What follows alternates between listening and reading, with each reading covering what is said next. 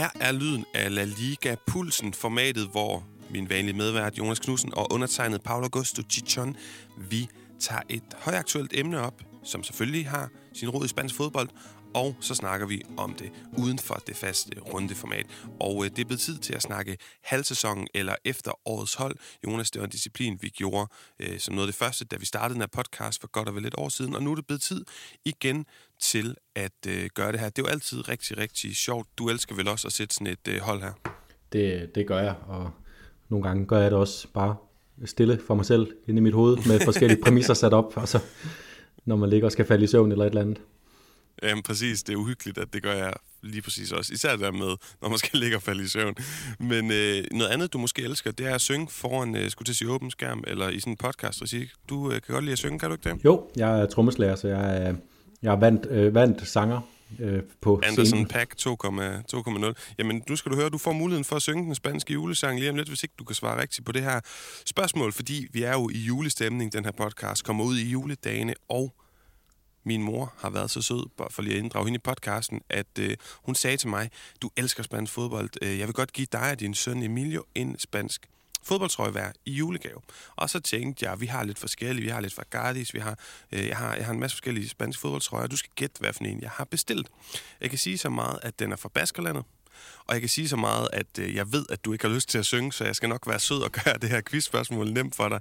Øhm, den ligger, øh, den her klub, i, øh, den har ligget i La Liga, eller gør det stadig i de her år, så det er ikke en eller anden obskur klub. Det er ikke Idun eller sådan et eller andet. Øhm, og øh, klubben, vi har hentet eller købt en trøje fra, bestilt en trøje fra online, er den spanske fodboldklub, der ligger tættest på den franske grænse. Jamen, øh, Så håber jeg, at du kan din baskiske geografi. jamen, så, må, så må det næsten være øh, Real Sociedad. Det er nemlig rigtigt. Puha, Det var lige det sidste, du så jeg var helt faktisk mere til, til Atletic Klub, når, nu jeg havde, når du nu havde sagt, at det var i La Liga. Ellers så, så startede jeg med, med, med at være på Amorebieta, det her fantastiske semi-amatørhold, der gør det godt i Segunda Division lige nu. Nå, men Jonas, tilbage til, øh, til det, det hele handler om. Jeg smider senere, når vi skal bruge en breaker, ikke din øh, lækre øh, røst på, men altså øh, den her fantastiske, legendariske Karim Benzema julesang på. Men øh, den tid, den sov. Vi skal have snakket, inden vi sætter de her hold, om med efteråret. Bare lige sådan lynhurtigt lige dvæle ved efteråret, der er gået i overskrifter. Og hvis jeg lige kommer med nogle overskrifter, så kan du få lov at dykke ned i det, du mest har lyst til. Vi så i det her efterår, i den eftersæson, øh, en øh, Ronald Koeman, der blev fyret, en Xavi Hernandez, der kom ind. Vi har set Ancelotti forløse Real Madrids målproblemer de seneste par sæsoner. Det sidste markat, vi sætter på øh, Madrid-mandskabet nu, det er, at de ikke kan score mål. Det er blandt andet en Vinicius skyld. Atletico Madrid har store kontinuitetsproblemer. Vi har lidt svært ved at forstå, hvorfor. Det kan vi også snakke om. La Real, altså fantastiske Real Sociedad, vi lige har snakket om. Jeg har købt en trøje fra. Øhm, igen fantastisk efterårssæson, igen lidt uforløst, eller de falder af på den hen mod jul, som der er sket de sidste to sæsoner også. Real Betis i øh, ikke kun øh, efteråret, men hele 2021 har været fantastiske. alle og Celta har haft problemer i det her efterår, der er gået. Og så en sidste ting, jeg synes, der er ret interessant, det er at se Rayo Vallecano som det nye Granada, altså det her lille bitte hold, som man tænker, wow, hvor kom det lige fra, at I er mere op omkring de europæiske pladser. Det er jo fuldstændig vanvittigt. Men hvad for en uh, ting af de her overskrifter har du egentlig mest lyst til lige at ja, gøre status på? Jeg, jeg tror måske om, øh, om tre år, at man vil sige, at øh, den store overskrift var, at øh, Xavi overtog fra, fra Koeman, men, øh, men som tingene er lige nu, så er det ikke der, at, øh, så, så ligesom ikke der, at, at godset ligger. Jeg synes, den måde Ancelotti har fået... Øh, Øh, ikke revolutioneret Real Madrid, men har fået løftet Real Madrid. Det, det er jo bare det, som vi også bare må sige, Ancelotti har formået i sin trænerkarriere. Når han kommer et sted, så kan han lige løfte tingene. Måske ikke bare en München, der kunne han øh, måske max holde det på, på, øh, på, på par, da han overtog efter Guardiola der. Men, øh, men jeg synes, at, at det har været så imponerende, og de, nu, nu, øh, nu optager vi lige på bagkant, bagkant af, at, øh, at, at Real Madrid spiller 0-0 mod Cardis, øh, så, så lidt malurt i bæret der, men, men de sidste, den sidste måneds tid, nøj, hvor har, hvor, hvor har Real Madrid været imponerende, og har, hvor har det været, øh, synes jeg, øh, befriende endelig at se, at der har været noget, noget sådan rigtig offensiv stjerneklans på Banabeo. Ja, vi har haft Benzema, som har været god også de år her med, med måltørke, men han er jo bare blevet bedre og bedre, og Vinicius øh, er, er trådt ind på scenen med et, med et brag som øh, målscorer, øh, assistmager, og så fortsat som den her øh, øh, boldkunstner. Så det er bare så dejligt at se, at fordi øh, ja, øh, Real Madrid er øh, pragmatisk hold, men vi må altså ikke tage fejl af, at Santiago Bernabeu er også et stadion, der skal, der skal underholdes. De, de, tager, øh, la, øh, de tager ikke til takke med, med hvad som helst, og lige nu, der får de altså øh, fodbold på, på et rigtig højt niveau. Det er sjovt, du siger, at det er en lille anekdote. Jeg kan huske, at jeg så øh, øh Ancelotti's Real Madrid splitte øh, øh Paco Gemes Rayo Vallecano hold af for en 5-6 år siden på Bernabeu. Og først der scorede Real Madrid fem mål, og det var vidderligt hov, der bliver scoret, folk rejser sig op lige de, øh, i de instanser, hvor bolden hopper over målstregen, klapper og hujer i 10 sekunder, sætter sig ned, fuldstændig forkælet og venter på, at der kommer et mål mere. Sådan er det på Bernabeu. Det er et teater, man skal konstant øh, underholdes. Men Jonas, øh, hvis jeg lige skal dykke ned i en ting, så er det, og det er lidt unfair, at jeg først hiver den frem nu som en ny overskrift, men det er jo det europæiske gruppespil, hvor vi eh, desværre kun fik eh, tre ud af fem hold videre fra Champions League, altså Villarreal, Real Madrid, Atletico Madrid på et mulehår, sidstnævnte, og så altså, så gik fem ud af to hold videre fra Europa League, hvis I forstår mig ret, fordi øh, Real Betis og Real Sociedad gik videre, men så kom, og ikke 5-4 er det selvfølgelig, øhm, så kom Sevilla og Barcelona dumpende ned fra, øhm, fra Champions League og gik så videre i Europa League turneringstræet. Og øhm, det har vi grint af, at du troede, det ville blive fem i Champions League, og det blev det selvfølgelig ikke, osv. Men hvis jeg skal fremhæve noget her, så tror jeg, jeg er ikke så sikker på alt det her med Xavi, og om han kommer til at være en, vi kigger tilbage på om tre år som en kæmpe skikkelse i Barcelona. Det er jeg sikker på, det er, at vi vil kigge tilbage om mange år og sige, kan I huske dengang Barcelona ikke gik videre fra Champions League? For jeg tror virkelig, det er en once, ikke en a lifetime, men once in a, det ved jeg ikke, 30, 40, 50 år i periode, sådan noget, der er det sker. Det er jo 20 år siden sidst cirka, så øh, det er sådan en, øh, en øh, to dekade ting, øh, og, og det, det er heller ikke sikkert, at det sker de næste øh, 20 år. Så, øh, så det kan jeg godt forstå, at det, at det er den, du hiver frem også. Øh, og, og vi har også snakket om det meget, det har været bekymrende, også fordi i den her, uds, i, i det her, øh, i den her podcast, der går vi også meget op i, i, øh, i spansk fodbold og mål kvaliteten øh, udad til, og, øh, og det har bare været, øh, været nogle bekymrende år efter, efter 10 år på, på toppen. Øh, så jeg synes heldigvis, vi slutter på en, på en lidt optimistisk klinge med, at vi er der alle, der går videre. Jeg synes, øh, niveauet i de sidste runder i La Liga blandt topholdene, altså især Real Madrid, men også øh, Sevilla øh, og øh, et hold som Real Betis, altså det, det vidner om, der er stadig øh, et højt topniveau i, øh, i La Liga. Og for at gå sådan lidt dronning Margrethe på den, øh, 2021 går på held, og alle de her formelle øh, sætninger, man kan putte på. Men lad os lige prøve at dvæle lidt ved det her, Jonas. Øh, tabellen lige nu, som den ser ud. Øh, og det er så før de har udsat et par kampe. Men jeg synes stadigvæk, det er meget sigende. Elite altså øh, det absolutte førerhold, det bedste hold, Real Madrid, men resten af top 4 bliver udgjort af Sevilla. Jeg siger ikke, at det i sig selv er specielt, men at de ligger to at de bedste øh, tit udfordrer sig Real Madrid er vildt. Især hvis du kigger 5-6 år tilbage, hvor de havde noget med Europa League, også 10 15 år tilbage, men jo aldrig var, var super, super interessant i, selve øh, titelopgøret og efterfulgt af Real Betis, som er helt historisk, og efterfulgt på fjerdepladsen, lige nu ligger på fjerdepladsen, Rayo Vallecano, det er altså et historisk specielt, øh, hvad hedder det, ikke førerfelt, men et top 4, der bliver udgjort lige nu. De tre efterfølgere efter Real Madrid, det synes jeg, der er vanvittigt attraktivt for La Liga. Det er, det er det helt sikkert, og øh, hvis man så bare tager de hold, der, der følger i, i, række, i øh, nævnt rækkefølge, eller efter Øh, Øh, den placering, de har, Atletico Madrid, Real Sociedad, Barcelona, Valencia, Athletic Club, Espanyol, Villarreal, det er nogle voldsomme hold, som Rayo Vallecano har liggende lige i slipstrømmen af øh, sig. Atletico kan så overhale dem øh, ved, at, ved at vinde deres, den kamp, de har i baghånden mod Granada, som, som bliver spillet ja, dagen inden, formentlig at vi udgiver den her udsendelse. Øhm, så det er, det er vanvittigt bedrift af Rayo Vallecano, også hvis de ligger nummer 5, når vi rammer, rammer overskiftet.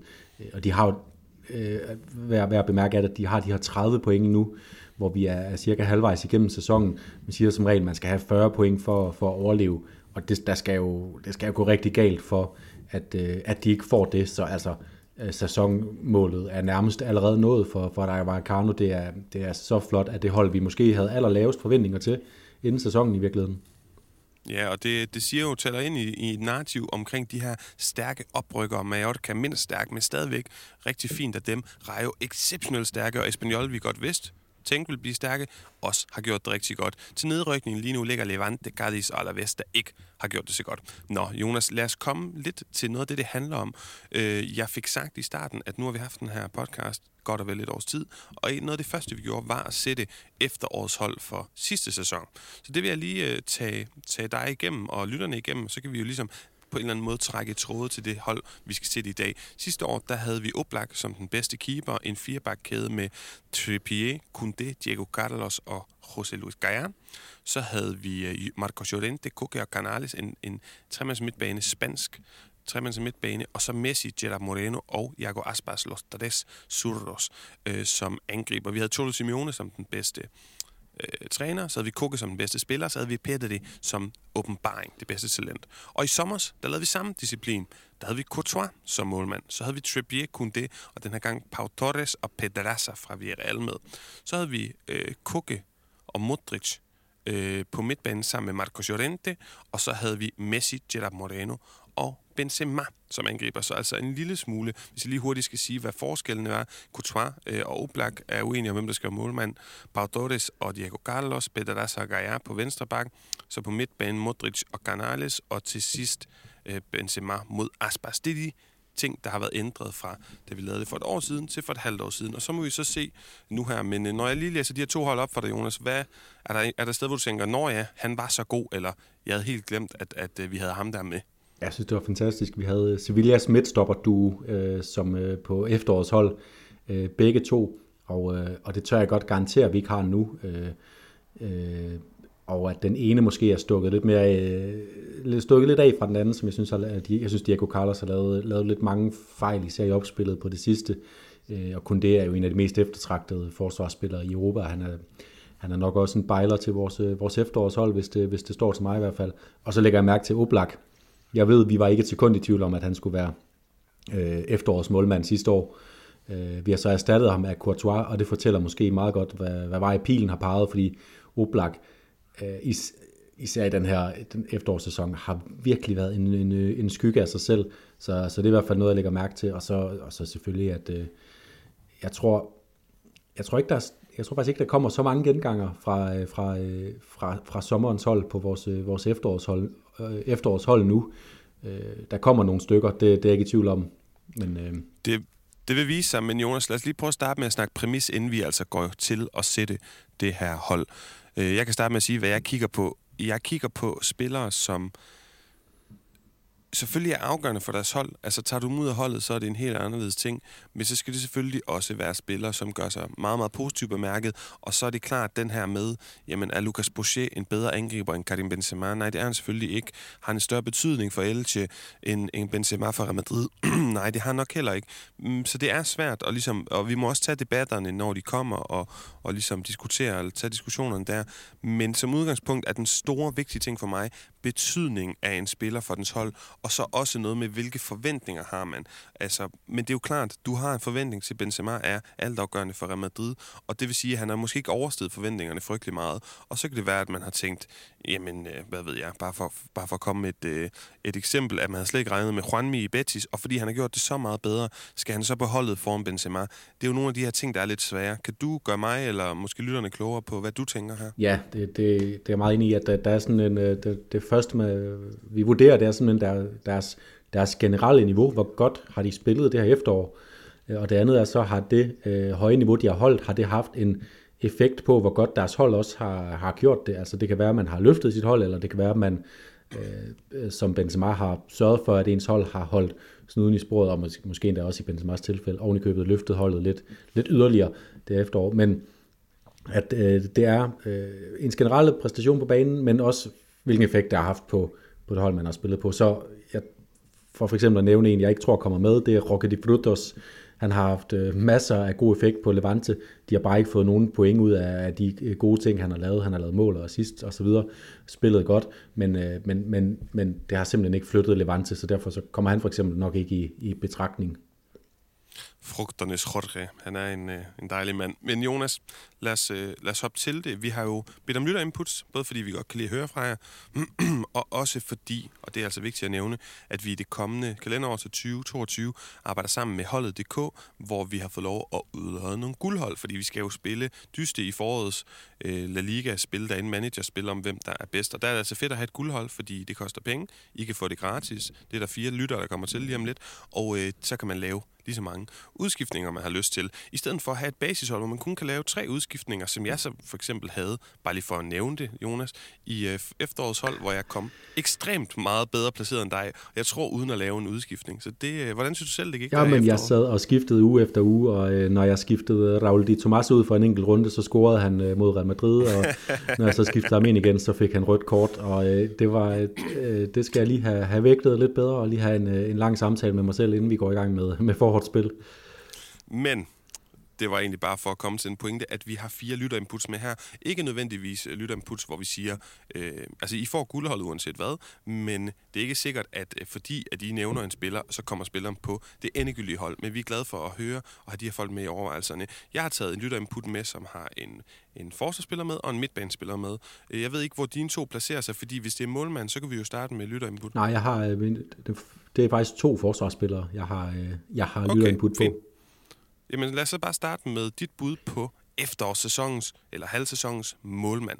Jamen, øh, jeg, jeg, for mig at se, så kan der ikke... Øh, nu skal jeg jo passe på, hvad jeg siger, fordi om du er diskussionslysten, men jeg kan ikke se, der skal være så meget diskussion om, at, øh, at uh, Thibaut Courtois, han er, han er efterårs målmand. Han, øh, vi, vi har snakket rigtig meget om, hvordan øh, Ancelotti har fået forløst øh, Real Madrids øh, offensiv, men vi må også bare sige, at Real Madrid har været ude, især her den seneste måneds tid, hvor de har vundet tætte kampe mod øh, Atletico, Atletic Club, Sevilla osv., der har Thibaut Courtois bare haft nogle helt afgørende redninger, og nogle fremragende redninger, og han står godt hver eneste gang, han går på banen lige nu. Så jeg synes, han er lige nu med, øh, med længder, også fordi øh, Tastikken og Oblak, de befinder sig i deres dårligste perioder i deres øh, fodboldkarriere lige nu, øh, så synes jeg, øh, han med længder er ligaens bedste, bedste målmand.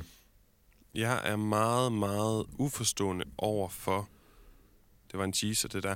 At folk de ikke har fattet, at Thibaut Courtois øh, med længder er en af de bedste målmænd i verden. Altså, han er, der findes ikke tre målmænd i verden, der er bedre end ham. Sådan kan jeg i hvert fald stille det op, og det er jeg ikke sekund i tvivl om. Og, sådan, og det, det er faktisk en sandhed.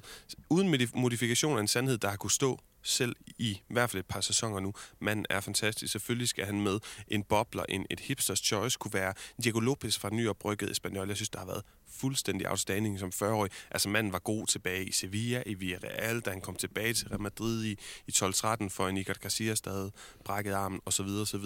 Men at han stadig væk er så god, hold da op. Ja, og han, øh, han er faktisk, øh, sidst jeg lige kiggede, var han, øh, er han manden med flest redninger.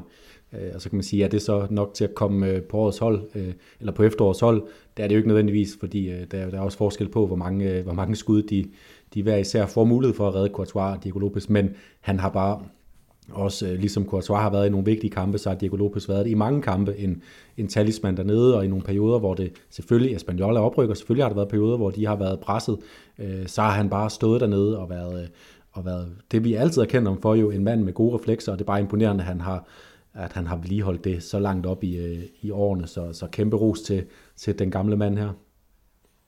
Øh, ja, men hvis vi går med Courtois, så lad os starte øh, ikke fra højre, men venstre side af forsvaret, hvor jeg vil komme med mit første lytterinput. Og det er et lytterinput, vi har fået tilsendt af Sevis, der Tim Larsen, der skriver venstre bak på efterårshold. Det må være Marcos Acuna. Manden er brølstærk, han er altid truende frem i banen. En af Sevillas farligste spillere med sin gennembrudstyrke og sin knivskarpe indlæg. Marcos Acuna, argentiner, han er jo øh, 30-ish gammel. Jeg, jeg, jeg har nogle gange været i tvivl om, om han egentlig var sådan en ung spiller, for jeg kan huske, da man hentede ham øh, som erstatning for Sergio Reguilon. Jeg var nede i 2019 og se det her Lopetegi-mandskab i sin spæde start med den her sindssygt imponerende firebakkæde. Jesus Navas, øh, Jules Koundé, Diego Carlos og så Sergio Reguilon. Og da han smuttede af Reguilon, der sad jeg og tænkte, nøj, hvor får I svært ved at erstatte ham her. Men der må man bare sige, og Rose Acuna, at øh, jeg tror ikke nødvendigvis, jeg tænker, at han ikke har, har kunne udfylde øh, de sko, som, øh, ja, som Sergio Reguilon har efter, efterladt i Sevilla. Sindssygt imponerende spiller, og jeg tager mig selv i, ikke at glemme ham, men sidde og tænke, når ja, han er så god. Jeg skal huske, hvor god han er, for hver gang jeg ser ham, der sidder jeg og tænker, at han er god. Og det er ikke kun, altså der, det skal bare lige sige, der bliver sendt et guldhold hen til Tim Larsen i din, øh, i din øh, retning nu, Tim. Tillykke med det. Men jeg er også enig med Tim, og det behøver man jo ikke være, men jeg vil også sætte uh, Marcos Acuna som vensterbak på mit hold. Har du andre bud? Jeg vil lige tilføje, at det er jo en rigtig Monchi-historie, at de har Sergio Reguilon i en periode, så sælger de ham. Man tager sig til hovedet og tænker, de kommer sig aldrig over, over det her. Og lige nu, der er Marcos Acuna en bedre spiller, end Sergio Reguilon øh, er i, øh, øh, øh, sådan hvis man skulle tage dem en til en og vurdere dem, selvom Reguilon måske stadig har et større potentiale, men ikke rigtig forløst, så vidt jeg er orienteret i, i, i Tottenham, øh, hvor, han, hvor han vist er nu. Øhm, og øh, nu, nu vi snakker om venstreback, så er en af mine øh, lytter-input også på venstrebakken, og den kommer fra øh, vores gode øh, ven øh, på øh, den danske Valencia CF øh, Twitter-konto, øh, som skriver, øh, kan se mange nævner Alex Moreno. Øh, derfor må jeg kalde til besindighed og berette, at José Gajak ganske enkelt er den bedste venstreback i ligaen. Han er altid et farligt våben offensivt, og defensivt bygger han fortsat på. En af de mest betydningsfulde spillere for deres hold i La Liga. Øh, så først og fremmest tillykke med et, et, et guldhold til dig. Øhm, øh, et af vores, en af vores gode faste øh, input-bidragere. Øh, og jeg, jeg jeg er ikke enig i, at øh, Gaia skal have pladsen på holdet. Det vender jeg tilbage til. Men jeg synes, at argumentationen er virkelig god, fordi øh, nu, så, nu hørte vi også, at han var på vores øh, efterårshold øh, sidste sæson, og det er fordi, han er bare han er altid god, og han er, han er, synes jeg måske, hvis man skal sådan tage over de sidste øh, tre år, sådan generelt niveau, så er han La Ligas øh, bedste venstre bak, også øh, over øh, øh Jordi Alba fra FC Barcelona. Øh, Øh, og og der, der har, det har helt fortjent givet hovedbrud for Luis Enrique nogle gange, hvem han skulle, skulle vælge af de to på landsholdet. Øh, så, så helt klart et, øh, et godt bud, fordi han har også været god for, for Valencia i den her sæson. Men jeg synes, at pladsen på, på, øh, som venstreback på vores efterårshold, den skal gå til øh, Alex Moreno, øh, som har, øh, udover at han har sådan, øh, endegyldigt øh, øh, bevist sig selv som en, en stærk venstreback, så har han også bidraget med mål og oplæg senest i, øh, i, øh, i weekendens kamp øh, mod, øh, mod Atletic Bilbao. Så at jeg synes, jeg synes simpelthen, at han har været den mest spektakulære venstreback at se spille. Og jeg kan godt se, at konkurrencen er tæt med Acuna, men hvad, hvad synes du om, om match-uppet mellem de to? Jeg synes, det er meget, meget lige. Og jeg tænker, at det nemmeste måde at gøre det på er simpelthen at, at hoppe videre, uden at tage en beslutning nu, Jonas. Og så kan det være, at vi kan uh, indgå nogle kompromiser senere. Hvad tænker du om den? Det kan vi godt se, om vi har overvægt af, af ros til Sevilla eller Betis-spillere på et eller andet tidspunkt. Man kan i hvert fald sige, at i midterforsvaret, uh, for, for mig at se, der kommer potentielt en Sevilla-spiller i uh, spil. Men lad os tage midterforsvaret parret. Uh, den jeg er allermest sikker på, at jeg vil have i mit midterforsvar, det er Eder Militao. Og han har jo dannet solidt markedskab med Alaba, som godt kunne være i spil. Men jeg synes, også for at nævne nogle andre spillere fra nogle andre klubber, der står ud, Adi Celustondo i La Real, eller David Garcia, som udover har været fantastisk klippet ned i Osasuna-forsvaret, også har scoret tre mål, er, er måske mine tre bobler. Men det er alle sammen bobler til pladsen ved siden af den for mig selvskrevne Eder Militao. Jeg synes også, at øh, Eder Militao er, øh, er selvskreven, og jeg havde også i min øh, øh, øh boblerkreds skrevet øh, David Garcia, Inigo Martinez også, synes jeg, og Jules Koundé, øh, og Aritz Stondo selvfølgelig. Øh, og jeg, her kommer jeg også lige til, til et øh, lytterinput, fordi at øh, vi har fået et, øh, et bud fra Mohamed øh, Al-Garawi, som, øh, som byder ind øh, på følgende måde. David Garcia fra Osasuna, han har virkelig været klasse. Det er trods alt nemmere at være centerforsvar for et tophold, hvor han i forhold til kontekst, stak, øh, hvor han i forhold til kontekst øh, sagtens kunne fortjene en plads på det her hold. Og det, det synes jeg også er, er en rigtig god pointe, fordi mange af de her Osasuna-spillere, de går måske lidt under, under vores radar, fordi de har ikke, altså Jimmy Avila er et bud på en standout-player, Roberto Torres kan også være det. De har de her midtbanespillere, øh, John øh, øh, Moncayola og Lucas Toro, som er sådan maskinrumspillere, men, øh, men, men måske også en lidt mere anonym end, end øh, i forhold til at komme i betragtning til, til de her hold, hvor vi gerne vil, vil lægge mærke til de sprudlende spillere. Og der er David Garcia bare et super solidt kort, og, og som, som du også sagde, scoret tre mål på, på hovedstød øh, den her sæson, og, og Sasuna har bare været et øh, virkelig, virkelig godt bekendtskab. Så, så han, altså jeg, jeg er faktisk deroppe, hvor jeg godt kunne overveje at have ham ved siden af Militao. Jamen jeg, jamen jeg skulle til at afbryde dig, Jonas. Det skal vi da bare gøre, for du og jeg elsker at tale de små hold sag. Vi elsker at inddrage, og hvis det stod til os, øhm, så vil vi gerne snakke mere om de små hold i spansk fodbold. Vi ved bare, at der er væsentligt flere Barcelona-fans end Osasuna-fans osv. Lad os da smide David Garcia ind og sende et guldhold øh, i Mohammeds retning. Så jeg er bare lige lidt nysgerrig på, hvis, hvis, hvis vi ikke vi var, var, var blevet enige om David Garcia her, hvem, hvem, er, hvem er vores andre bobler vil du så have i stedet for enten Militao eller David Garcia? Jamen, jeg vil, øh, det forstår jeg ikke. Altså, jeg, jeg er med på Militao. Ja, nå, men det var bare for at se, hvem, hvem var ligesom ham, der pressede sig mest på. Altså for mig, der havde jeg faktisk oh. oprindeligt skrevet uh, Militao og Aritz Elustondo. Uh, Aritz Elustondo er så faldet lidt, uh, faldet lidt ud her på det sidste. Han, han havde en karantæneperiode og kommet lidt dårligt tilbage fra den også. Øh, Jamen, jeg synes, uh, Elustondo eller Alaba, jeg, jeg er med på Elustondo også for at få, uh, ja, altså få, få, få, repræsenteret lidt forskellige hold. Ja, men, uh, men vi går med, med Militao og David Garcia uh, som midtstopperpar. Venstrebakken er stadig Eder med med et umage par dernede. men, men der er noget, duel, men, der er noget duelstyrke. Altså det, det bliver ikke ja. sjovt at, at skulle forsvare hjørnespark mod dem her også. Nej, det er også rigtigt. Nå, jamen, øh, og lige et par ord på, på især Militao, som jeg er gået fra at være den fantastiske spiller i Porto, der blev i sin første sæson i Europa kåret til månedens spiller i portugisisk fodbold. Fem måneder i streg, var fuldstændig øh, dominerende, blev købt af Real Madrid for uhyggeligt mange penge, 50 millioner euro, mener jeg det var.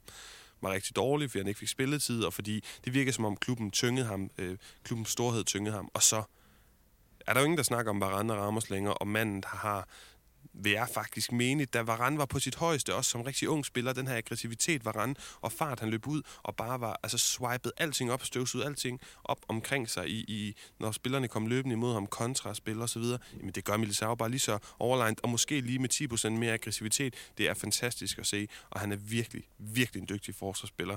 Men øh, Jonas, lad os kigge på højre bak, øh, og der er jeg også ret øh, hipster-inspireret, må jeg sige. Jeg har både kigget på Alex Vidal fra, øh, fra Espanyol, og Pablo Maffeo fra Mallorca. Hvem har du kigget på? Jamen, jeg synes, det var den sværeste plads at finde, fordi øh, det er jo også det er jo en plads, øh, Trippier har været ude for Atletico, ellers en, vi har gået til. Øh, der har været lidt øh, kamp mellem øh, Gonzalo Montiel og Jesus Navas i Sevilla, Real Madrid og Barcelona. De er helt til hundene på den her højre bak, hvor, hvor øh, Dani Cavaral selvfølgelig ville være et bud, hvis ikke han havde været skadet. Øh, så jeg har også faktisk øh, som udgangspunkt skrevet Alex Vidal som min... Øh, som mit, øh, mit bedste bud på en her, og så har jeg skrevet i, i parentes øh, Hector Bellerin og Inigo Leque, som jeg synes faktisk har, har vi karrieret rigtig godt på den her højre bak, men ikke nok til at komme helt op. Så er der så lige det spørgsmål med Vidal. Øh, har han spillet for meget øh, højre midtbane til at komme i spil som, ja, det er jo, som højre det er jo lige det, jeg skulle, jeg skulle også til at sige, at jeg hælder altså godt nok til Pablo Maffeo. Jeg synes, der har gjort det, øh, gjort det bedre for det her Mallorca-hold, end Alex Vidal har. Men de har begge to været imponerende øh, i forhold til, hvilke forventninger man havde til dem. Altså, jeg vil gå, hvis det var, det var mit bud alene, så ville jeg godt nok gå med Pablo Maffeo. Men det er jeg også med på. Det var også en spiller, vi havde lidt forventninger til. Vi, det, er jo, det er jo faktisk at høre med til historien, at, øh, at jeg synes, uh, højre bak var en af de pladser, hvor Mallorca var, var godt rustet øh, som, som oprykker. De har øh, Jordi Sastre, øh, som, har, som også spillede der sidst, de var oppe i, øh, i La Liga.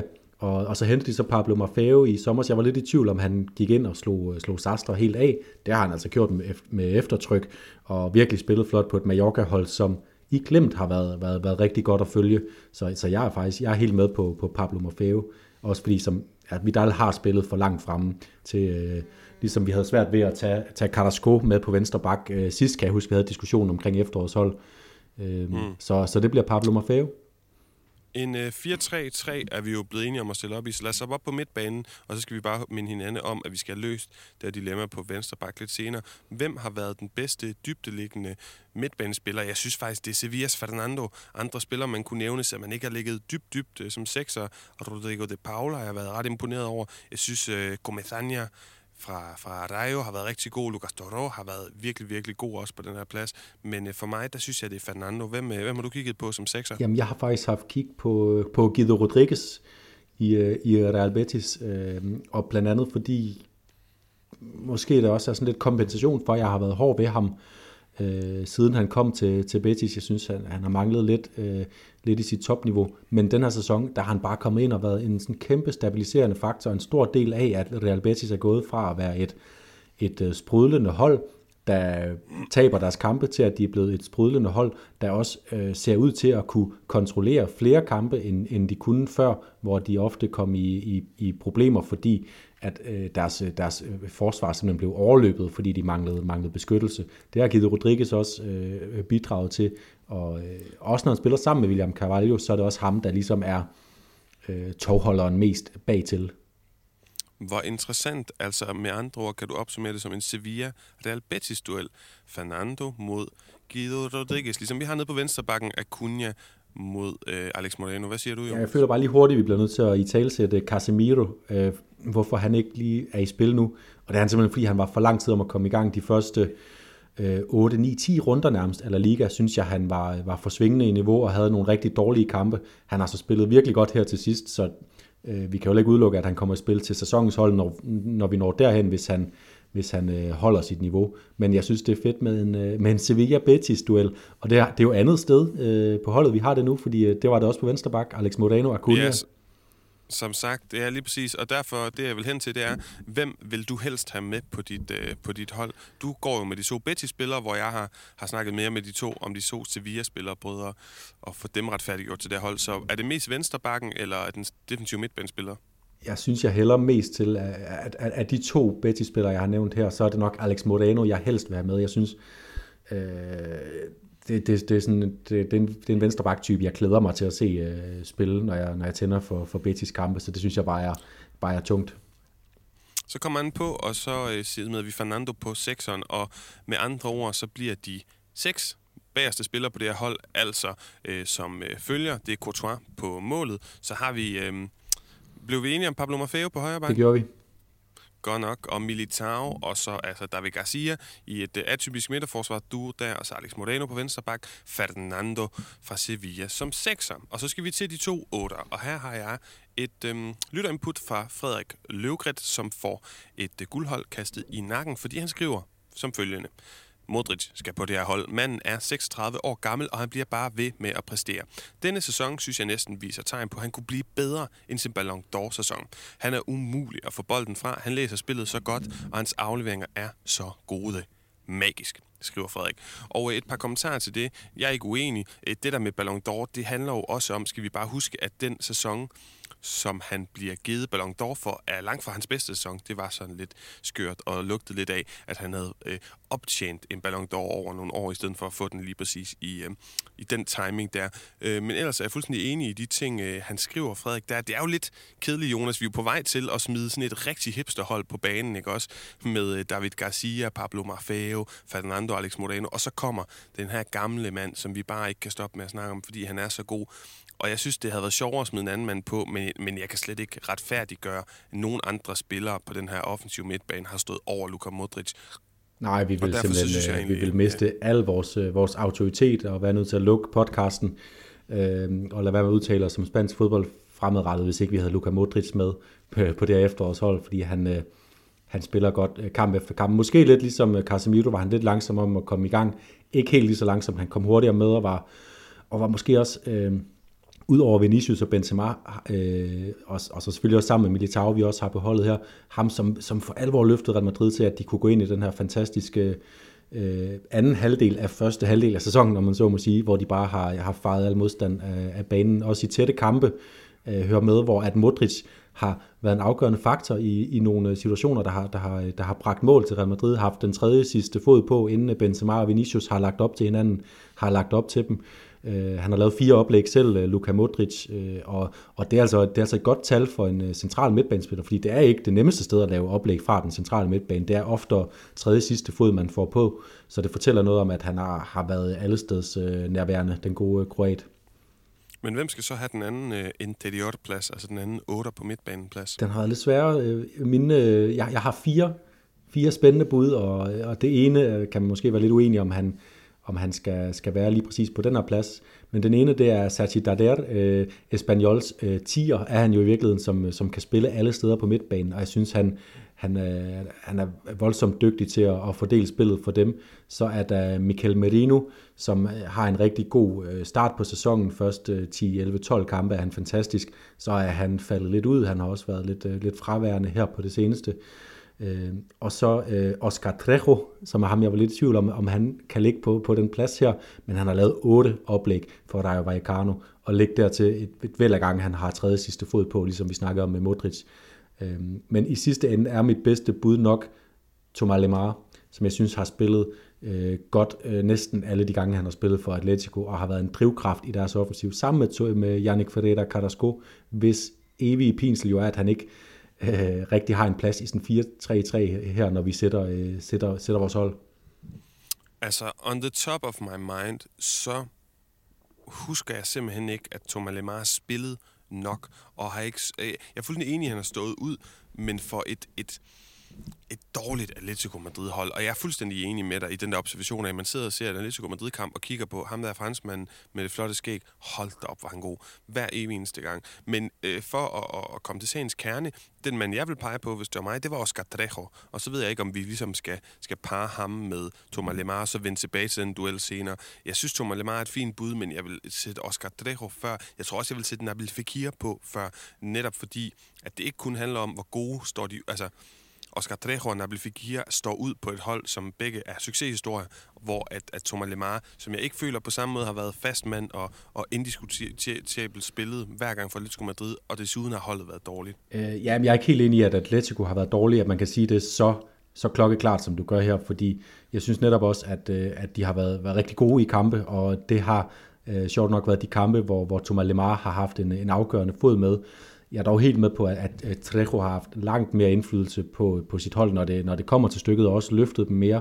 Nabil Fekir, skal lige sige, har jeg, har jeg nævnt som en bejler længere fremme på banen, fordi øh, jeg vil øh, som træner være, være utryg ved at have ham på en, øh, en træer midtbane. Øhm, så, så jeg ved ikke, om vi skal trække ham med ned i diskussionen her, eller om vi skal blive enige om, om Oscar Trejo. Jeg er klar på Oscar Trejo. Ja, jamen, så bliver det ham. 8 otte oplæg for Rayo Vallecano. Det er helt vildt. Og det er jo sådan en spiller, vi kender fra, fra deres seneste besøg også øh, i La Liga Rayo Vallecano, og som også kom som, øh, som en ung argentiner til, øh, til Mallorca, mener jeg det var, øh, med mange forventninger og påhæftet sig fra, fra River Plata, mener det var dengang, øh, og, og måske øh, har været klædet lidt ud i klemslen, men nu må man bare sige, at han til fulde spiller til, til, til, det, til det allerøverste niveau. Så, så helt imponerende og, og fortjene plads til ham. Jonas, den her podcast er lige omkring 37 minutter gammel nu, og den behøver jo ikke være meget mere end 39 minutter gammel, fordi øh, to af de tre pladser oppe i den offensive trio, de går vel til Benzema og Vinicius Junior, upåagtet at jeg virkelig har været imponeret af Raul Thomas på angriberpladsen, af Arnaud Danjuma, min nye kæreste, min nye forelskelse i spansk fodbold, og også Juanmi Juan Miguel. Oh, queremos todos que marque Juan Miguel. Men der er vel ikke nogen af de her bobler, der, øh, der for alvor kan vriste en plads på det her hold fra Benzema og Vinicius. Nej, jeg tror, vi bliver nødt til at... Altså, Benzema har scoret 13 mål og lavet syv oplæg. Øh, Vinicius har scoret 10 mål og lavet fire oplæg. De spiller øh, øh sprudlende, og de spiller øh, ganske enkelt bare fremragende fodbold, så der er ingen tvivl om det. Og så synes jeg, at vi skal, vi skal få placeret dem med al den ro, så hedder de er de to bedste spillere i La Liga lige nu. De spiller på samme hold. Det skal Real Madrid-fansene nyde i fulde drag lige nu.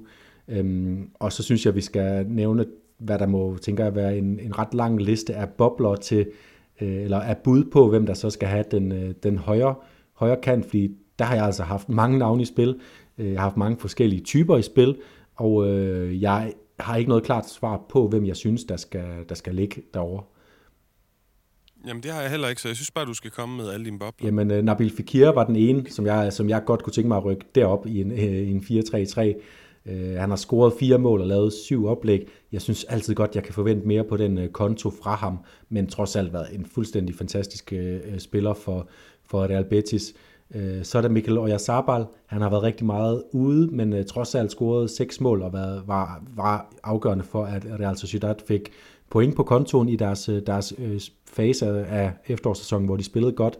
Så er der Arnaud Danjuma, ham har du, ham har du nævnt sikkert gennembrud. Så vil jeg også gerne nævne, nævne Gavi, som er en af dem, som har holdt øh, hovedet højt for FC Barcelona og spillet mange gode kampe, selvom at øh, det ikke er blevet til, øh, til så mange øh, kampe, hvor han har haft direkte effekt på resultatet. Det er kommet her på det seneste. Og så Iñaki Williams, øh, som øh, har scoret fem mål. Det burde have været 6, 7, 8, 9, 10 mål, hvis han skulle have, have den rigtige udnyttelsesprocent.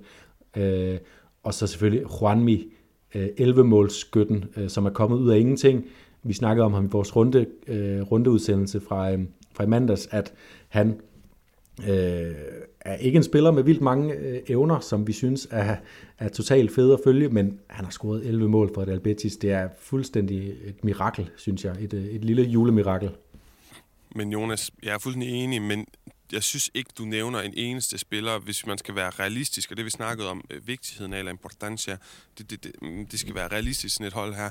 Jeg synes ikke, du får nævnt en eneste spiller, der har sit udgangspunkt som højre kant, ud over Nabil Fekir. Og jeg kan Nej, og det er også det, og give, det- give, det- den til Nabil Fekir.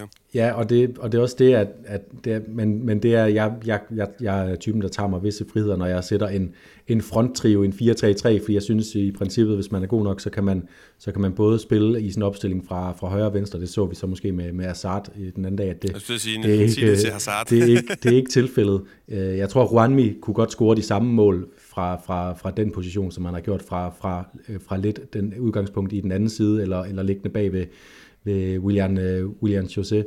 Men jeg synes også, at Nabil Fekir er mit bedste bud. Det er også ham, der ikke står i en parentes her, på, her i mine øh, notater.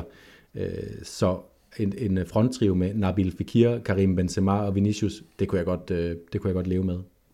Ja, mundvandet begynder at løbe. Øh, jeg har en lidt anden form for orden i min noter, eller øh, jeg siger ikke, min orden er bedre, den er bare anderledes. Øh, du har parenteser, ikke parenteser. Jeg har Nabil Fikir i kursiv, fordi han skal bare med. Det er det, der står i mine noter. Og fantastisk, at vi får ham med som en form for pseudo højre kant, som jo godt kan lide at trække ind i banen. Det bliver et voldsomt godt hold der, Jonas. Lad os bare få det ridset op igen. Thibaut Courtois, på mål. Øh, Pablo Maffeo på højre bak, Militao og David Garcia i midterforsvaret, og ellers, og ellers hedder det Alex Moreno på venstre bak. Fernando er øh, holdende midtbanespiller, og foran ham Oscar Trejo og Luka Modric, og i angrebstrioen Nabil Fekir, Vinicius Junior og Karim Benzema. Det var vel det, var det ikke det, Jonas? Det, det var det, medmindre vi lige skal nævne en, en træner, som vi også synes har været, været standout, og der ved jeg ikke, om jeg synes, der er så meget tvivl, at øh, det skal være Carlo Ancelotti eller Andoni Iraola. Jeg ved ikke, øh, altså Iraola har, har jo nok trods alt leveret det største mirakel. Jeg skulle til at sige, lad, lad os øh, i stedet for at tage diskussionen, så bare sige, øh, den bedste træner, Ancelotti, den mest overraskende og mest positive historie som træner, Andoni Iraola, det er der heller ikke nogen tvivl om. Øh, den bedste spiller, kunne jeg godt tænke mig at høre dit bud på. Ja. Jeg, øh, jeg synes, det er Karim Benzema stadigvæk. Vinicius har, har løftet sig så meget, og det tæller lidt, også måske lidt i hans, til hans øh, favør, at vi så måske er så meget desto mere imponeret af ham, men det er stadig Karim Benzema, øh, som, Real, som Real Madrid er mest afhængig af. Og så for at være populistisk, øh, det, jeg ved ikke, om det er populisme, men øh, for at tale øh, minoriteternes sag, så kommer her et bud på, hvorfor det er Eder Militao. Fordi hvis det var Cheddar Piqué, hvis det var Sergio Ramos, hvis det var Jimenez, der lige havde spillet den halve sæson, som Eder Militao spillede, så var vi alle sammen fuldstændig op at køre. Og desuden, så snakker man ikke ofte nok og, og prioriterer ofte nok snakken om øh, det defensive øh, spil. Og nogle af de samme ting kunne være sagt om Courtois, hvis det var til Stegen, hvis det var Oblak, eller især øh, hvis det var Neuer, hvis det var nogle af de her Premier League-målmænd, der er en lille smule overvurderet, hvis du spørger mig. Øh, hvis de havde leveret den halve sæson, som Couture havde leveret, så ville man også kigge på dem. Men vi har jo en tendens, øh, du og jeg og alle andre, der er indviklet i... Øh, fodboldkulturen nu til dags at ophæve de offensive spillere, og det er fair nok, men de skal bare lige med, at der så også nogle defensive spillere, der gør det fantastisk. Men Jonas, lad os give den til Benzema, og så en sidste ting. Øhm, sidste år pegede vi på Pedri som La Revelation. Hvem går du med der? Jeg er nok på Arnaud Danjuma eller Juanmi. Juanmi har vi snakket meget om, men jeg, jeg bliver bare nødt til at understrege, hvor forelsket jeg er i Arnaud Danjuma. Ja, jeg, jeg bliver også nødt til at nævne, øh, nævne, nævne Gavi øh, i den her, fordi øh, måden han er, han er braget ind også, øh, altså det var også lidt mærkeligt forløb, at han blev så hurtigt en del af landsholdstruppen, men jeg synes også, han har vist, at det måske var et eller andet sted på sin plads.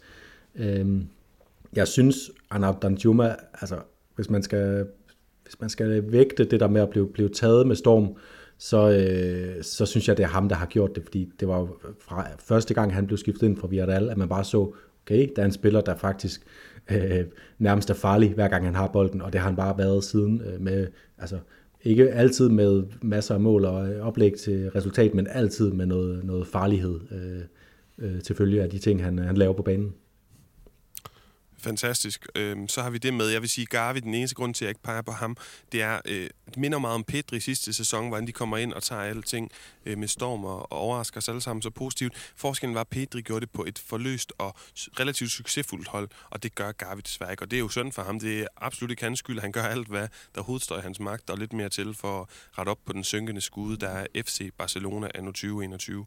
Men ja, øh, han, han har ikke superkræfter, selvom det nogle gange ligner det. Nej, og det kan være, at han får den øh, for sæsonen, hvis han leverer et godt øh, forår. Jeg vil lige vende, vende tilbage til din, din, øh, din snak om øh, Courtois Militao. Jeg synes, øh, Militao, han var, vi skal altså også huske, at det er ikke den bedste øh, start på sæsonen, Real Madrids øh, bagkæde får. Der er nogle, øh, nogle kampe, hvor de har hvor de rystede lidt mere øh, øh, øh på hænderne, og der var, det synes jeg også, en øh, Militao var, øh, Øh, var en del af, af den udfordring, de havde på det tidspunkt. Han har så løftet sig helt ekstremt, så derfor synes jeg ikke, at han har spillet øh, godt nok over hele efteråret til at blive nævnt. Og så tror jeg, du undervurderer Thibaut Courtois' øh, øh, renommé en lille smule. Jeg synes, han, han er en målmand, man mange år har nævnt blandt som en del af, af målmandseliten, og også i samme grad som, som Oblak og Testegen og Allison og Ederson og hvad de ellers hedder, de, de sonner derovre i, i Premier League. Øhm, så, så jeg synes, jeg, men jeg synes bare, Benzema har simpelthen været øh, den, den, den afgørende faktor for, for Real Madrid, og, og 13 mål og 7 assist, det er altså det er mageløst. Vi peger på Benzema, og med det har vi afsluttet det her... Øh ja, hele det her segment. Nu tager vi lige en breaker og hører om den her mytiske, legendariske kult øh, Benzema øh, Feliz Navidad sang som breaker, og så bagefter, så får I et lille segment, hvor vi skal, ja, det kan Jonas forklare bagefter. Vi tager breakeren her. Karim Benzema Karim Benzema Karim Benzema Karim Benzema Jonas, det var eh, Karim Benzema featuring Feliz Navidad julesangen. Øhm, nu skal vi så til den her disciplin med at sætte et holdet hold. Ikke dit personlige, heller ikke mit personlige, men et holdet hold, som kan stå som inspiration inde i den her øhm, forårsliga, der hedder Lyden af Liga, hvor vi kan dyste lytter og os to øh, hinanden imellem. Og det er altså kommer til at stå som et 4-3-3-hold, som inspiration og som et hold, vi ikke laver udskiftninger på, og på den måde kan man så kigge på nogle spillere, vi mener, der kommer til at blive rigtig øh, gode og brugbare, score en masse point i løbet af forårssæsonen. Er det ikke rigtigt nok forstået, at det er disciplinen nu her? Jo, det er det, fordi på, på vores hold hver især øh, udnytter vi jo vores, vores guldholdsstatus til at, at lave udskiftninger øh, mellem runderne, så vi kan, kan optimere vores pointmuligheder. Så det her det bliver ligesom sådan et, et stående bud på nogle spillere, som vi, øh, som vi tror kommer til at generelt snitte højt på, på pointscoren. Så, så derfor så vil jeg også øh, starte med at sige sådan på, på en valgfri position, øh, at, at vi ligesom starter fra toppen og siger, at vi tager nogle af de, de spillere, der, der er dyre at købe, men som vi, hvor vi måske er sikre på at få nogle point for, øh, for, for pengene. Så, så hvor vil du starte? Hvem vil du starte med at sætte ind på det her hold? Øh, af, af de dyre drenge. Jeg vil starte med en, en person, jeg også vil udnævne som anfører. Anførende får jo dobbelt så mange point på holdet, øh, og der vil jeg tage Karim Benzema. Det kan godt være, at han er dyr. Han leverer flest mål, han leverer flest oplæg. Han skal nok også være der i foråret, hvor jeg kan være lidt mere i tvivl om, hans angrebskompagnon Vinicius kan opretholde den her fantastiske øh, formkurve. Ja, fordi Vinicius er faktisk 4,5 millioner billigere end Karim Benzema, som koster, som koster 12 millioner det er, det er suverænt den dyreste spiller i spillet. Luis Suarez koster 9 millioner, Memphis Depay koster også 9 øh, millioner. Ham, øh, ham tror jeg godt, vi kan vinde om ikke at anbefale at sætte den på holdet, eller hvad, Paolo? Memphis Depay. Ja, jeg vil i hvert fald lige... Ej, det, det, det, jeg skal se mere, før jeg tror det. Ja, for, for 9 millioner, der synes jeg i hvert fald, den er, den er tung. Men så har vi også allerede brugt 12 millioner ud af de 50 millioner kroner, man jo har til at, øh, at, at sætte holdet. Så Øhm, så jeg, jeg vil godt tænke mig at gå videre til, at vi allerede nu begynder at, at lave en spareøvelse. Så hvilke hold er de sådan lidt mindre La Liga-klubber, tror du, at vi kan, vi kan forvente laver en god forårssæson, og dermed også måske kunne være, være god at have nogle spillere fra? Jeg kigger på, øh, på tre klubber i forhold til defensiven, Jonas. Altså, jeg kigger på Athletic Klub, på Osasuna og på Espanyol. Øh, det kunne være målmænd som Diego Lopez, som øh, Herrera, som... Hvad hedder det, Unai Simon. Jeg tænker, Unai Simon er den dyreste af dem. Og så jamen, også øh, højre bak, som for eksempel Alex Vidal for, øh, for, hvad hedder det, især hvis han er listet som højre bak inde på holdet.dk for Espanyol, fordi han jo også tit optræder som højre kant, har en masse fart, og så også kan levere noget offensivt. Det er, det er faktisk det er, det er lige før jeg vil sige, den går direkte ind på holdet, det tip, du har der med Alex Vidal, fordi han står listet som, øh, som forsvarsspiller for Espanyol, og han, øh, han koster kun 3 millioner kroner. Så jeg faktisk lige vil sige, at det ikke en øh, no-brainer at, øh, at have ham på holdet. Han, øh, han, koster, han koster 3 millioner, så han er inde på, på vores øh, højre bakplads her. Øh, og så snakker du om målmanden. Øh, der synes jeg også, det er et godt bud at have en fra, fra et af de tre hold her. Det er sådan, øh, her i, øh, i efterårssæsonen, der er det jo der er det Sevilla, der har været, været det hold, der har lukket færre mål ind, men Yasin Bono, han koster også 6 millioner, så når vi har, allerede har taget Benzema, så er det nok lidt for mange penge at smide efter en, øh, en målmand. Og der må man bare sige, at Atletic Klub lukkede 14 mål ind, øh, Osasuna, de har godt nok lukket 22 mål ind, men, øh, men de er stadigvæk et hold, der, der har mange kampe, hvor de, hvor de, hvor de spiller til nullet. Øh, Espanyol, også en solid klub, og som vi snakkede om i vores gennemgang af, af rundens hold, Diego Lopez, han er jo øh, den målmand med flest redninger i, i ligaen, og det giver jo også point. Øh, Øh, så Paolo, var det noget med, at vi skulle have øh, lade det være Espanyols bidrag til holdet, øh, Diego Lopez i målet og Alex Vidal på højre bak? Det synes jeg da. Det synes jeg da som udgangspunkt. Og imens du sætter den aldrende, men altså stadigvæk fantastisk gode Diego Lopez fra nyoprykket Espanyol ind på det her hold, så behøves øh, modsat det efterårshold, vi lige har sat, der skal være realistisk. Det vil jo ikke være realistisk. Vi kan jo sætte fire højre backs ind i den her ja. forsvarskæde. Og jeg kunne godt lige tænke mig at slå et slag for Pablo Maffeo for Mallorca, vi jo også lige har snakket om. Og det er ikke fordi, der nødvendigvis øh, skal være sådan en, en øhm, hvad hedder det, transcendens eller en, en rød tråd imellem øh, vores, øh, det hold, vi har sat, og så altså efterårshold, de bedste spillere, der har præsteret her efteråret, og så det her hold, vi sætter nu ind på holdet, DK's managerspil i foråret. Men jeg synes, Pablo Maffeo er interessant, fordi Mallorca jo også gør det godt, er lidt den glemte af de her tre oprykkere, fordi Espanyol og Rayo gør det så godt, men Pablo Maffeo kommer bare bulrende med et offensivt øh, arsenal op på den her højre bak, og, øh, og jeg synes virkelig, at han han er en interessant øh, spiller, som også er billig, og altså de her forsvarsspillere, der kigger jeg bare tit på offensive spillere på backs. Ja, præcis, og han har også han har både scoret et mål og lagt op til et mål. Det kan godt blive til endnu mere øh, for ham. Øh, og jeg kan også se inde på holdet at han koster faktisk kun, øh, kun 3 millioner kroner. Det er, jo, det er faktisk det samme, som, øh, som, øh, som øh, øh, Sastre koster, som jo er ham, han har konkurreret med. Men, øh, men det er jo helt klart, at Pablo Maffeo har, har taget den her øh, plads og gjort den til sin. Så det synes jeg var et, øh, var et godt bud. Øh, Pablo Maffeo går ind i bagkæden, hvor vi har Alex Vidal, og så mangler vi to der. Og du nævnte også et, et andet sted, hvor jeg tror, at der godt kan være noget, øh, nogle billige spillere at hente. Øh, det var øh, Osasuna, så jeg prøver lige at gå ind her og se, hvad deres, hvad deres, hvad deres forskellige forsvarsspillere koster. Og der er det jo oplagt at kigge på en, som vi også snakkede om i, i efterårshold. Han var på efterårshold, og han er heller ikke en spiller, der er dyr. Han har scoret tre øh, mål i efterårssæsonen, så hvis man kunne forvente noget lignende, så kunne det godt være et bud. Nogle øh, clean sheets fra Osasuna og et par mål fra David Garcia. Øhm, er, er, det, er det en mand, øh, du vil have tiltro til øh, på dit holdet hold? Han er ikke bak, ligesom de to andre, vi har sat på. Jeg, jeg, jeg er super klar på David Garcia, Jonas. Og så kunne jeg også godt tænke mig, øh, for lige at, at slutte med en vensterbak og komme over den side. Hvad med øh, Rayo Vallecanos Frank Garcia? Han spiller altid, og det er jo også vigtigt på holdet DK. Han spiller for et hold, der vinder mange, overraskende mange kampe. Europas allerbedste hjemmehold i altså Rayo Vallecano nyoprykket. Rayo, der spiller flot offensiv berusende fodbold under Andoni Iraola. Altså, de er en vanvittig åbenbaring, kommer simpelthen som et lyn fra en skyfri himmel. Og der Frank Garcia, en stor profil på venstre bak, kommer som den her terrier energibombe. Øh, meget fandenivoldsk i sit spil, og øh, meget, meget interessant. Jeg ved ikke, hvor meget slutprodukt han nødvendigvis har, men om ikke andet spiller han altid, og der skal nok komme en assist eller et mål øh, et par gange i løbet af forårssæsonen for ham. Det er jeg helt overbevist om. Ja, det er, det er et spændende bud. Øh, han har, han har ikke haft det store output på, på mål og på mål og assist her i foråret. Det synes jeg taler lidt hans øh, sag imod.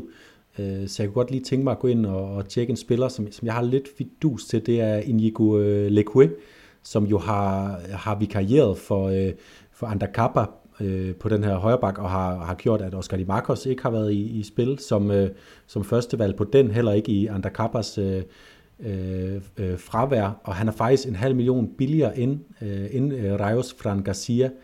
Øh, så er, er det en, en spiller, du tror kommer til at, at fortsætte med at spille? Det er jo lidt uklart, altså Ander Kappa har været ude længe nu.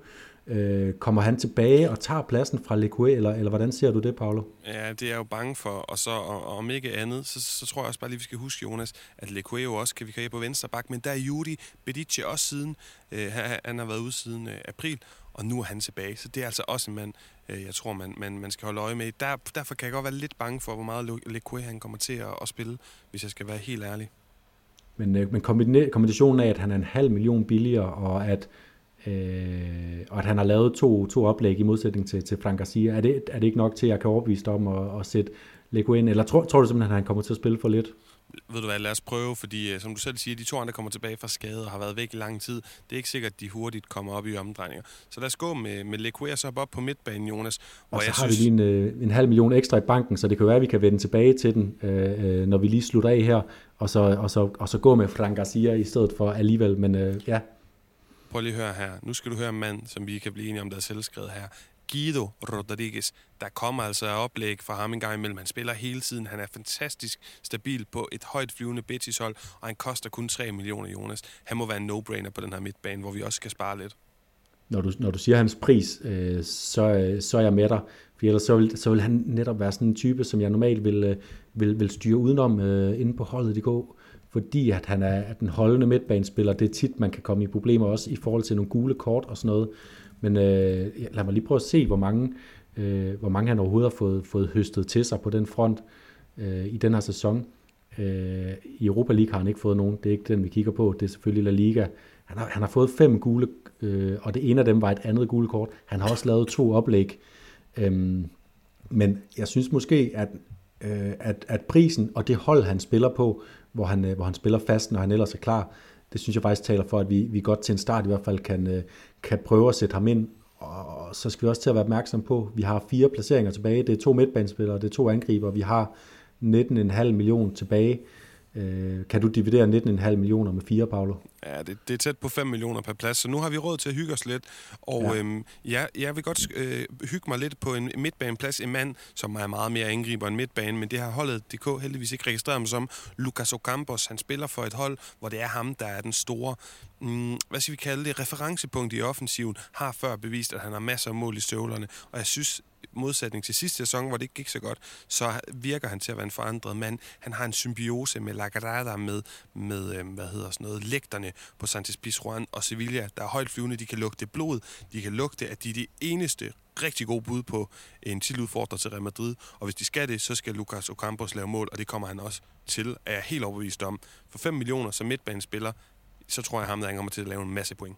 Jeg synes, nøgleordet her, det er, at han er, han er sat som midtbanespiller. Øh, jeg har eksperimenteret med ham. Jeg havde ham i sidste øh, forår faktisk, hvor jeg var uheldig, at han øh, ramte en, en rigtig dårlig form, hvor han ikke rigtig fik, øh, fik hul på bylden. Det har han fået nu. Han scorede, øh, scorede et afgørende mål i øh, fantastiske kamp her i, i, i weekenden mod, mod, ja, mod Atletico Madrid, hvor, hvor Delaney får sådan et halvt, halvt oplæg på den. Øhm, så, så det, det synes jeg helt klart er en spiller, vi skal prøve at sætte ind. Og så vil jeg gerne komme ind med, med, et, med et, lille, et lille tip her, fordi det er jo ingen hemmelighed, at FC Barcelona de har rigtig øh, øh, mange vanskeligheder lige nu, men det er også et hold, hvor vi ser en hel masse unge spillere øh, plomstre op, og de plomstrer hurtigt op, og måske plomstrer de så hurtigt op, at, øh, at holdet DK øh, ikke helt har, øh, har styr på, hvor meget de måske kan være værd. Og der ligger jeg mærke til, at øh, en spiller som Gavi, som er blevet spansk landsholdsspiller, som øh, er begyndt at vise, at han også øh, kan score lidt mål og, og lave nogle oplæg i hvert fald. Han koster 3 millioner kroner på, på holdet.dk, og han er vel en, vi skal forvente, der får mange spilleminutter resten af sæsonen også, øh, eller kommer Petri tilbage og, og ødelægger det øh, for ham, eller gør Fati, eller det er også lidt men, det, det er med ham, hvor spiller han egentlig optimalt. Ja, men det, jeg skulle til at sige det, Jonas. Gavis, øh, et argument, der tæller for ham, det er hans polyvalencia, altså hans alsidighed. Han kan spille flere steder. Han er blevet brugt som højre kant, venstre kant og som otter på midtbanen, så jeg synes, han skal med, især fordi han er så, øh, så billig, og han kan kun øh, bygge på i forhold til mål og assist, som han har gjort de seneste par runder, kommer til at blive fuldstændig fundamentalt for Barcelonas genoprejsning, som starter alt andet lige i forårssæsonen. Og Jonas, nu sidder jeg og kigger øh, også lidt over på det hold, jeg selv har, har stillet indtil videre. Det er ikke sikkert, det bliver det, det færdige, og vi med guldhold kan jo skifte tit. Oscar Drejo, 8 oplæg. Han koster 3 millioner som angriber. Øh, sådan en lille tankeeksperiment. Hvis du sætter ham ind som den næst sidste spiller på holdet, hvor mange penge har vi så til, øh, til den sidste angriberplads? Fordi det er jo også sjovt, det her med at spinke og spare lidt. Hister her. Så har vi faktisk, øh, så, så ender vi med at have 8,5 millioner tilbage. Øh, så skal, skal, vi, skal jeg lige prøve at sætte Oscar Trejo ind. Det, der kunne tale imod Oscar Trejo, det er, at han, nu har vi jo Campos, som måske er, er mere angriber, der optager en midtbaneplads, og så har vi, sætter vi så Oscar Trejo ind, som måske er lidt mere midtbanespiller, som vi så optager med en, øh, med en angriberplads. Ja, men det er rigtigt. Men, otte oplæg, du siger det, Paolo. Hvis han kan blive ved bare noget i den dur, så, så er det også noget, der, der høster point. Det er jo det, han spiller hele tiden. Han kan også godt score mål, hister her. Og hans hold vinder. Det er jo altså også bare vigtigt ind på øh, DK. Og det er også for at give lytterne nogle bud på, her er nogle billige spillere, som nok skal, skal lave point. Øh, og så er det jo, altså, Jeddah Moreno, han er lige kommet tilbage, laver masser af mål. Hvad koster han i angrebet? Fordi nøj, ham kunne jeg da også godt tænke mig at, at have med. En mand, der lidt eller Benzema får scoret en hel masse, men altså altid også leverer rigeligt med oplæg. Jamen, øh, vi har råd til Gerard Moreno, fordi øh, han er den, øh, i den tredje dyreste kategori. Altså, vi har, øh, vi har Karim Benzema, der koster 12 millioner, så har vi Luis Suarez og Depay, der koster 9 millioner, og så kommer han i en kategori for sig selv til 8 millioner. Øh, så ham, kunne vi, ham kan vi faktisk vælge. Jeg kan også lige nævne nogle af dem, der følger, følger lige efter der. Vi har Vinicius til 7,5 millioner, også i en kategori for sig. Så har vi øh, tre spillere, der koster 7 millioner. Det er Jaco Aspas, Antoine Griezmann og Alexander Isak. Øh, er, der, er der nogen af dem, du har, har mere tillid til end Gerard Moreno? Ikke, ikke ind til Jetta Moreno, nej. Der, der er jeg altså ret overbevist om det mand. Også fordi vi har gjort det øh, så dårligt det her i efteråret, at der er kun en mulighed, og det er fremad for det hold, der har den største og mest, i hvert fald bedste, dyreste trup, måske ikke bedste, det ved jeg, du er lidt uenig, men dyreste trup, sammensat, største trænernavn, alt det spiller i den rigtige retning for Villarreal historisk set. Øh, de skal fremad, og det kommer de også, tror jeg. Ja, jeg vil lige prøve at, øh, han, han, var, han er jo en spiller, der, der altså bliver afgørende. Han kommer også tilbage efter, han er kommet tilbage efter en skadesperiode nu her for nylig, og på, i San Sebastian på, på, øh, på Anoeta i weekenden, hvor han er fuldstændig afgørende med, med to mål, øh, som, som sikrer dem en, øh, en 3-1 sejr på en svær bane. Han har, han har spillet otte kampe den her sæson, han har scoret fire mål og lavet et oplæg. Det er, det er en spiller, man kan forvente en, en rigtig høj værdi ud af i sådan et spil her. Og så synes jeg, det er spændende, Paolo. Nu prøver jeg lige at, at rise det hold op, vi har sat indtil videre. Vi har øh, Diego Lopez på mål, vi har Alex Vidal på, øh, i forsvaret. Det har vi også Pablo Maffeo fra Mallorca. Vi har David Garcia fra Osasuna og Inigo Leque fra øh, Athletic Club. Vores midtbane, tre mand. Øh, der har vi Guido Rodriguez fra Real Betis. Vi har Lucas Ocampos fra rivalerne, øh, by, byrivalerne fra Sevilla. Og så har vi Gavi som, øh, som den sidste øh, midtbanespiller. Og oppe foran har vi selvfølgelig Karim Benzema og tør jeg næsten også sige, selvfølgelig Gerard Moreno, og så har vi øh, det lille S, øh, Oscar Trejo fra, fra Raikano, som har lavet et vel assist øh, det her. For vi har, Paolo, en halv million kroner tilbage på banken. Hvor vil du udpege et sted, hvor vi lige skal udforske muligheden, muligheden for lige at oppe bare en lille smule Mm, det kunne, altså du ved jo, jeg godt vil pege på Leque, men det kunne jo også godt være givet Rodriguez, hvis du mener, at du for 3,5 millioner kan finde en midtbane, der bidrager med mere frem i banen. Og hvis hold også vinder, jeg synes virkelig, vi har lavet et hold her, der er repræsenteret af hold, du kan forvente vinder mange kampe i foråret, og med spillere, som kommer til at gøre sig positivt bemærket, om ikke andet også på point. Ja, og så øh, nu har jeg lige prøvet at sætte, sætte baren til 3,5 millioner midtbanespillere. Der har vi Øh, Øh, hvis jeg skal nævne nogle af dem, der godt kunne have lidt output, øh, Alberto Pereira fra Cardis, han er gået lidt i stå. Dennis Suarez, kommer han tilbage øh, og spiller en, en større rolle for Celta Vigo. Han har været en del bænket på det sidste. Og så en, jeg måske godt synes kunne, kunne have noget spændende, eller faktisk, der, der tog jeg lige ved, ved, ved pege ud her som muligheder for os. Øh, Javier Puado fra, fra Espanyol. Øh, det taler lidt imod ham, at vi allerede har to Espanyol-spillere, og det er jo ikke et hold, der vinder hver weekend, trods alt, så det er måske lidt mange æg at smide i den kurv. Øhm, og så en anden, det er Dani Rodriguez fra Mallorca, en spiller, der scorede, øh, scorede deres enlige mål, da de tabte 4-1 til Granada her, øh, her for nylig, og er en spiller, der altid øh, befinder sig i, øh, i det farlige område. Er du nogen af dem her, der kunne opvise dig om at smide, øh, smide Guido Rodriguez på, på borden? Det kunne godt være Puado, fordi han jo reelt set, jeg vil karakterisere ham som angriber, i lige så høj grad, hvis ikke højere end Lucas Ocampos. Så at få ham til 3 millioner, 3,5 siger du, øh, kan score nogle mål, kan måske komme til at aflaste en Raul de Tomas. Altså, det er også et interessant bud, men han kommer ikke til at vinde lige så mange kampe som Guido Rodriguez. Han kommer heller ikke til at spille. Han er ikke lige så selvskrevet i startopstillingen som Guido Rodriguez. Det er det, der er lidt farligt. Ja, han har 11, 11 kampe og to mål. Øh Pual, hvor mange øh, mål tror du, Dani Rodriguez, mål og oplæg, tror du, Dani Rodriguez har i, i 15 kampe for Mallorca? Mm, han har nok et par stykker af hver. Ja, det er lige præcis spot on. Øh, øh, to stykker af hver. det, jeg kunne godt hælde det til lidt fræk en, men, men jeg synes også, at vi har Pablo Maffeo og Mallorca. Hvis Espanyol ikke vinder mange kampe, så tror jeg, at Mallorca kommer til at vinde, vinde endnu færre kampe skal, skal jeg lige komme med et par, par bud med? Jeg gik lige lidt længere ned ad listen og så faktisk øh, lige to navne, der kunne være lidt spændende. Thomas Delaney og Samuel øh, Chukwese fra Villarreal er også muligheder for os. Øh, Delaney, vinder han en plads i foråret? Det tror jeg desværre ikke, han gør. Og, altså, han, kommer, han skal nok komme til at spille, men han er bare ikke selvskrevet. Han kommer måske til at spille som indhopper de fleste kampe, øh, hvis han ikke starter ind. Men fast mand som startende spiller, der heller ikke bliver skiftet ud, det kommer ikke til at ske, er jeg bange for. Øh, I hvert fald ikke sådan virkelig, virkelig ofte i det her. For det samme med Samu Chukwese, vi begge to var meget imponeret over, øh, fremhævet meget, da vi dækkede spansk fodbold for Mediano tilbage af 19. sæson, men siden er det jo gået i stå, Jonas. Han er blevet overhalet indenom af en Arnat Danjuma, af en Jeremy Pino, og skader osv., det, det kommer altså ikke fra ham. Så hvis det handler om at tage en spiller, der starter ind og er afgørende, så tror jeg ikke, det er de to. Nej. Hvem øh, ender vi med at blive på Guido Rodriguez, eller Cu Puado, eller øh, Dani Rodriguez overbevist der? Altså, personligt vil jeg, vil jeg blive på Guido. Det tror jeg, det vi gør. Jeg synes også, vi har afdækket mulighederne, mulighederne godt her. Jeg, jeg vil godt sende en lille, til, til vågepelsen vil jeg godt sende en lille anbefaling efter Samuel Chukwese. Jeg bliver så også nødt til at sige, at det er en spiller, jeg øh, år efter år i det her La Liga-spil inde på holdet.dk har, har, øh, har satset på, fordi han som regel har været billig. Jeg har så nok også fundet ud af, at der har været en årsag til, at han har været billig. Han, øh, han har manglet slutprodukt. Det er noget, han har vist lidt, men øh, han har så til gengæld været skadet her i efteråret, så det er måske lidt for, øh, lidt for stort øh, spørgsmålstegn. Er der, et, er der et andet sted, vi lige skal prøve at se, om vi kan pynte lidt? Vi havde jo vores Leque, øh, Frank Garcia-diskussion. Øh, skal, vi, skal vi bruge den der halve million på at, øh, at sætte Garcia ind, som jo er en spiller, der spiller mere fast øh, end øh, Leque i hvert fald? Det tænker jeg, fordi ved du hvad, selvom det lyder vildt, så tror jeg altså, at Rayo, de kommer til at ende over Atleti Klub i foråret, Jonas.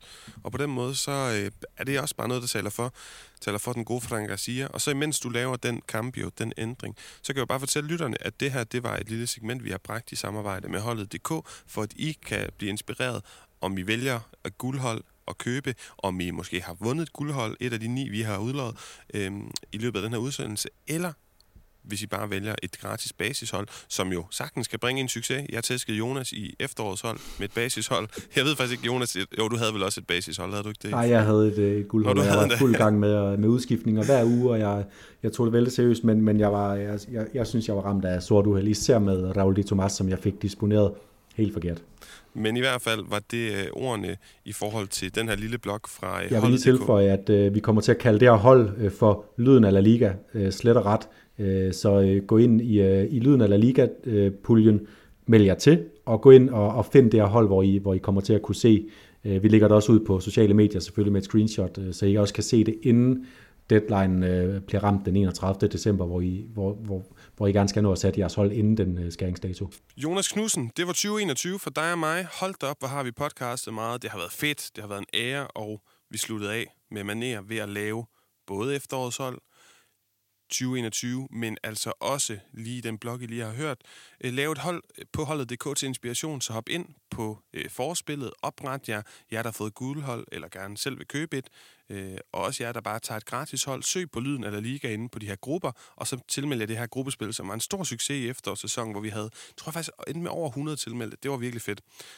Og til sidst, Jonas, så er vi blevet enige om, nu har vi udløjet, hvor mange? Fire guldhold, så nu udløjer vi de sidste fem, vi har fået fra holdet.dk, så i alt ni heldige lytter øh, får et guldhold i alt. Og måden vi gør det på, det er, at vi var jo lidt enige om, eller uenige her til sidst i debatten om, hvem der er revelation øh, del otoño, altså efterårets åbenbaring. Vi snakkede Danjuma, vi snakkede Gavi, vi snakkede vist også Juanmi. Så øh, byd ind under opslaget her, enten på Twitter eller Facebook, hvor vi har promoveret den her øh, efterårssæson special. Øh, byd ind med, hvem du synes, og det må gerne være en anden end dem. Øh, hvem har været efterårets revelation, efterårs åbenbaring blandt alle spillere i La Liga. Alle bud er lige gode. Så udvælger vi fem vinder på de her inputs, og så får I også et guldhold, så I kan gå ind og melde jer ind. Og Jonas, jeg tænker, at du er jo redaktør til hverdag, så du kan få lov at stå med den svære beslutningsproces af, hvem af de fem lytterinputs, der, der skal have det guldhold. Er det okay med dig? Jo, det er det. Fantastisk. Jamen, øh, så, smutter, øh, så smutter vi for 2021, og så ses vi jo lige om hjørnet på 2022.